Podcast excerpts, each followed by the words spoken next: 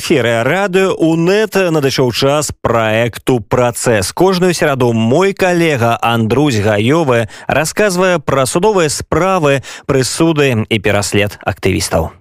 Вітаю шаноўнае гаспадарства на хвалях радыёнет чарговая праграма працэс і я яе вядоўца Андрусь гаёвы. Мы гаворым пра правы чалавека і працэсы іх абароны пра палітычны пераслед і прававыя погляды на палітычнае змаганне. у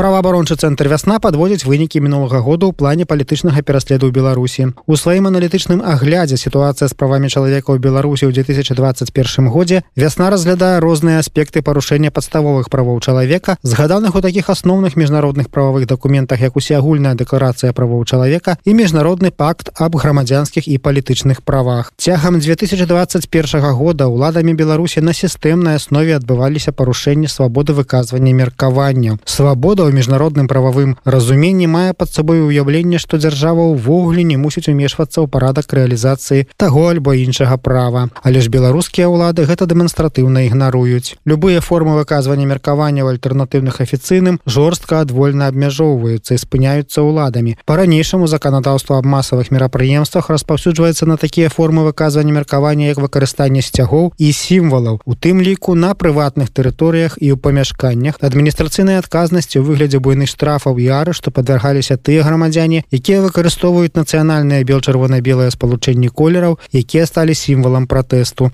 Гаворыцца в аналітычным аглядзе вясны. У 2021 годзе для барацьбы са свабодай выказвання меркаванняў пачалі выкарыстоўваць заканадаўства аб экстрэмізме якое для гэтых мэтаў яшчэ істотна змянілі. Так цягам 2021 году пад забарону трапілі асноўныя інфармацыйныя ресурсы краіны такія як тутбай наша ніва радыёвабода а таксама не менш за 450 50 сторонок у сацыяльных сетках і тэлеграм-каналаў грамадска-палітычнай тэматыкі. Іх змест прызначаны асабіста лукашэнкам на пасады суддзяў людзі вызнаюць экстрэміскімі і за любое выкарыстанне гэтай інфармацыі прыцягваюць да адказнасці. Праваабаронцам вядома не менш як пра 43 адміністрацыйныя штрафы і не менш як пра 104 адміністрацыйны арышт за так званы распаўсюд экстрэміскіх матэрыялаў. Вясна ў гэтым плане называе паказальнай гісторыю мужа і жонкі крупенічаў, якія ў асабістым ліставанні перасылалі адно аднаму навіны адзіны з каналаў прызнаных улады экстрэміскімі за гэта іх 9 разоў запар арыштоўвалі нават не выпускаючы на волю паміж накладаннем арыштаў. Суджэнцы правялі ў зняволенні па 127 сотняў кожным з лістапада ўлады ўвялі ў практыку прызнання аўдыторыі чытачоў слухачоў сМ экстрэміскімі фармаваннямі. Прычым робіцца гэта проста пастановай міністэрства ўнутраных справаў без якога-колек судовага разгляду і права на абарону сваёй пазіцыі з боку таго каго збіраюцца прызнаць экстрэмістам. У сваіх фармулёўках мус піша што экстрэміскім фармаваннем прызнаецца група грамадзянаў аб'яднаная праз нейкі інтэрнэт-рэсурс. Такімі фармаваннямі прыспешнікі лукашэнкі ўжо прызналі аўдыторыі інфармацыйнага агенства белапан тэлеканала белсад і радыёсвабо свабода шматлікіх тэлеграм-каналаў і чатаў. Такім чынам вялізныя групы грамадзян у десяткі тысяч чалавек якія просто цікавяцца інфармацыя абвяшчаюцца экстрэміскімі гэта відавочнае парушэнне права не толькі на распаўсюд але на атрыманне інфармацыі. у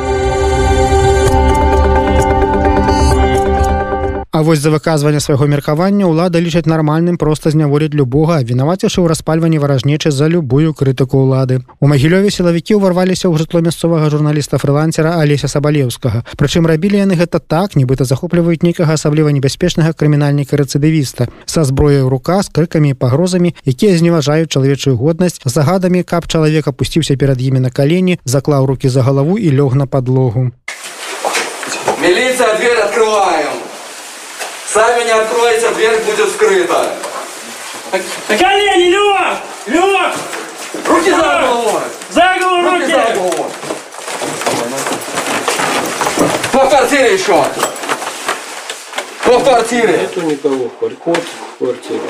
А пенсіянера з вёсткі цяруха гомельскага района змясцілі ў следчы ізалятар і абвінавачваюць у распальванні варажнічы за тое, што ён прынёс у рэдакцыю мясцовай раённай газеты допіс аб сваім бачанні прапанаваных лукашыстамі зменаў канстытуцыю. Прапагандыстам, якія звярнуліся да карнікаў, не спадабаліся словы лукашызм, я бацькі зверствы амонаўскіх вырадкаў шабаш у дачыненні да так званага ўсебеларускага народнага сходу. Цяпер 68гадовы Миколай Віцікаў затрыманы паводле падазрэння ў злачынстве, што прадугледжана артыкулам 130 крымінальнага кодекса. У яго хаце адбыўся ператрус. У пастанове на які сказана што яна вынесена на паставе таго што ён неліцепрыятна высказался всебеларускам народным сабрании далей у нашай праграме хроніка палітычна матываванага пераследу апошніх дзён паводле маніторынгу праваабарончага цэнтру вясна 11 студзеня ў так званым судзе ленінскага района менску 22гадовага мікіту навакоўскага асудзілі да трох гадоў абмежавання волі з накіраваннем у папраўчую установу паводле 342 артыкула. Карнікі напісалі ў абвінавачванні што мікіта ў жніўні 2020 года разам з іншымі людзьмі рухаўся па праезнай частцы дарогі стаяў у шчэпцы а таксама не рэагаваў на патрабаванне супрацоўніка міліцыі спыніць супрацьпраўныя дзеянні. Усё гэта на думку абвінавачвання пацягнула за сабой працяглае парушэнне грамадскага спакою абмежавала права іншых грамадзян на спакойную працу адпачынак свабоднае перамяшчэнне У Янаве да трох гадоў калоніі засудзілі 35гадовага Сергея Дубіка, прызначаны самім Лукашэнкам на пасаду суддзі Стасевіч прызнаў Дубіка вінаватым у абразе Лукашэнкі, паклёпе на Лукашэнку, а таксама абразе прадстаўніка ўлады начальніка глыбоцкага Раус і паклёпе на апошняга. Яму Дубік яшчэ мусіць выплаціць 2000 рублёў кампенсацыі маральнай шкоды прызначана асабіста лукашэнкам на пасаду суддзі кацярына рамашка асудзіла 23гадовага берасцейца станіслава несцярука да трох гадоў пазбаўлення волі за тое што ён нібыта разбіваў тротуарную плітку вырабляючы сродкі злачынства таксама прычыніў фізічную шкоду выглядзе двух рану в области першага пальца правай кісці ігару калягіну. Нанёс пабоі іншым пацярпеўшым. У выніку дзеянняў была вылічаная агульная шкода ў памеры амаль на 45 тысячаў рублёў. А пацярпелымі па справе былі прызнаныя ажно 15 чалавек. За выраб пратэсных улётак і ўдзел у нядзельных маршах у восень 2020 года дырэктара прыватнай друкарні Арцёма Федасенку адміністратара тэлеграм-канала Атоліна Паўла Юхневіча прызначаная асабіста Лукашенко на пасаду суддзі Валенціна Зянькевич асудзіла да чатырох гадоў калоніі у жлобіне прызначаны лукашенко на пасаду суддзі евген ерафеяў асудзіў ивана гаўрылава алексея дудко на два з паловай гады калоніі кожнага за тое што яны з 9 на 10 жніўня 2020 года нібыта не рэагавалі на заклікі супрацоўнікаў міліцыі выкрыквалі лозунгі груба парушалі грамадскі парадак заміналі працы транспарту і грамадскіх устаноў па паўтара года калоніі прысудзілі жыхарам мазарамікі цеселівону і Масіму кусачэнку. Іх прызналі вінаватымі ва ўдзеле ў групавых дзеяннях якія груба парушаюць грамадскі парадак і гвалце альбо пагрозе гвалту у дачыненні да супрацоўнікаў органаў унутраных спраў. Пры гэтым Масіму кусачэнку яшчэ няма нават 18 гадоў 13 студзеня ў жлобіне затрымалі жыхарку светлагорска татяну наскову якая хацела пабыць там на суддзе паводле палітычна матываванага абвінавачвання як слухачка. Ёй прызначаная лукашэнкам на пасаду суддзі Інна шаршнёва прысудзіла 10 сотняў арышту за перасланую летась спасылку на матэрыял канала белсад як за распаўсюд экстрэміцкага матэрыялу слоне міямап затрымаў мясцовага жыхара александра петушкова за тое што ён пісаў неадпаведныя дзяржаўнаму погляду на падзею казахстане каментары у інтэрнэце. Карнікі прымусілі александра ў здзеклівым адзенні раскайвацца на відэа якое апублікавалі ў прапагандысцкіх каналах у менску 13 студзеня раніцы затрымалі дар'ю царык дырэктарку арганізацыі геном якая займаецца дапамогай людзям з рэдкімі генетычнымі нейрацяглічнымі захворваннямі. У кватэры дар'і правялі ператрус і яе завезлі першамайская рус там склалі протакол паводле невядомага пакуль артыкулу адміністрацыйнага кодекса ды асудзілі на 8 сотняў арышту На мяжы затрымалі Лювай Цяховіча, які ехаў у Беларусь з эвакуацыі ў Латвіі на пахаванне бацькі. Вядомага прадпрымальніка Эдуардава Цяховіча паводле афіцыйнай фармулёўкі затрыманы ля за прапаганду антыдзяржаўнай дзейнасці ды ўдзелу несанкцыянаваных мерапрыемствах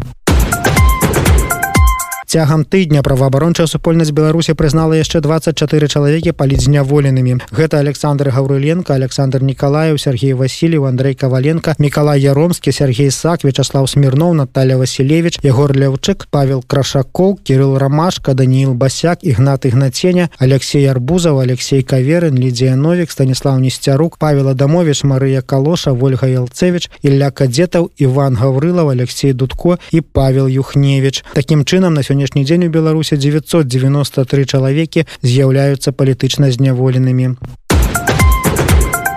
На заканчэнне праграмы некалькі больш пазітыўных навінаў. У Маскве вызвалілі з-пад варты беларуса Андрэя Казімірова, якога на радзіме абвінавачваюць ва ўдзеле ў так званых масавых беспарадках. Адразу пасля выбараў Андрэй гэтак жа як і сотні тысяч іншых беларусаў удзельнічаў у мірных сходах, дзе карнікамі быў паранены гумавай куляй у нагу. Яго затрымалі ў краме 13 жніўня 2020 года. Паводле словаў адваката яго збівалі ў машыне пакуль везлі ў аддзел міліцыі і ў самім аддзеле. Потым узялі паперку, што ён не мае прэтэнзіяў да міліцыі.